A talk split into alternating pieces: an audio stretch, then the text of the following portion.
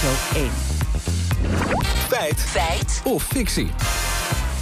En dat gaat namelijk over schooladviezen. Ja, Aleid Truijens is in haar column in de Volks Volkskrant eh, kritisch op dat selectiesysteem. Het zou de verschillen alleen maar vergroten, zegt ze. Kinderen van hoogopgeleide ouders hebben een veel grotere kans op een HAVO- of VWO-advies dan kinderen van lager opgeleide ouders met diezelfde toetsscore, zegt Ja, ze. het opleidingsniveau van ouders dat heeft dus invloed op het schooladvies. Blijkbaar, Sarah Geven is universitair docent sociologie in Amsterdam en zij vertelt hoe dat schooladvies werkt. Op dit moment is het zo dat leerlingen eerst een advies krijgen van een leerkracht. Dan gaan ze de toets maken. En op het moment dat die toetsscore hoger is dan het advies van de leerkracht, dan wordt het advies naar boven bijgesteld. Het advies kan niet meer naar beneden bijgesteld worden. Ja, tenzij de leraar daar echt een goede motivatie voor heeft. Dit is sinds kort aangepast. Vroeger moesten scholen het advies wel overwegen als de toetsscore hoger was, maar werd het dus niet automatisch bijgesteld. Maar hoe zit het dan met de invloed van de ouders? Ja, dat legt we ook voor.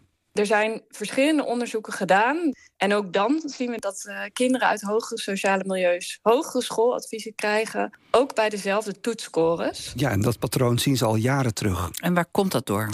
Nou, denk aan middelen, verwachtingspatronen. Volgens Fatima Sora Sharki, onderwijswetenschapper aan het Nederlands Jeugdinstituut, heeft het diverse oorzaken. Waaronder heel praktisch het feit dat leerlingen van hoger opgeleide ouders vaak meer mogelijkheden hebben, zoals het inkopen van bijles of dat ouders helpen bij schoolwerk. Vaak hebben ze ook een groter netwerk waar ze een beroep op kunnen doen, meer hulpbronnen. En aan de andere kant heb je ook nog het perspectief vanuit school of de leraar. En dat is vaak dat leraren onbewust hogere verwachtingen hebben van leerlingen waarvan de ouders ook hoger opgeleid zijn. Ja, en andersom geldt hetzelfde. Milo van der Kamp, nu onderwijssocioloog aan de UvA, heeft dat aan den lijve ondervonden.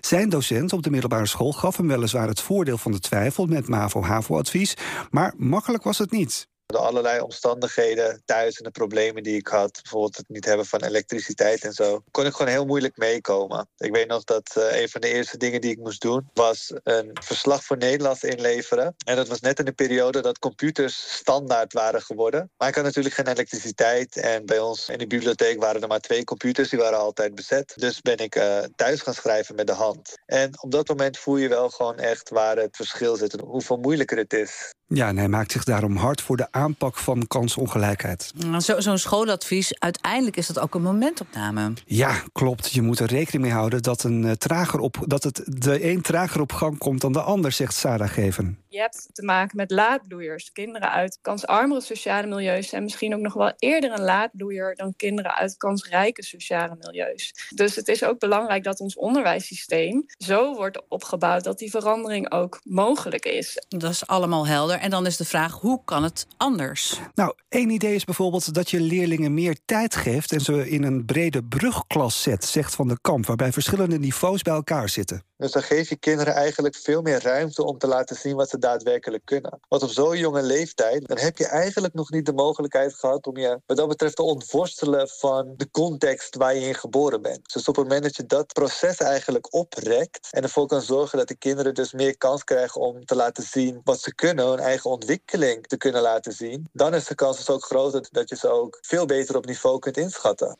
Oké, gaan we naar de conclusie. Ja, is het opleidingsniveau van de ouders van invloed op het schooladvies van leerlingen? Nou, helaas nog wel. Truijens heeft gelijk, de uitspraak is een feit.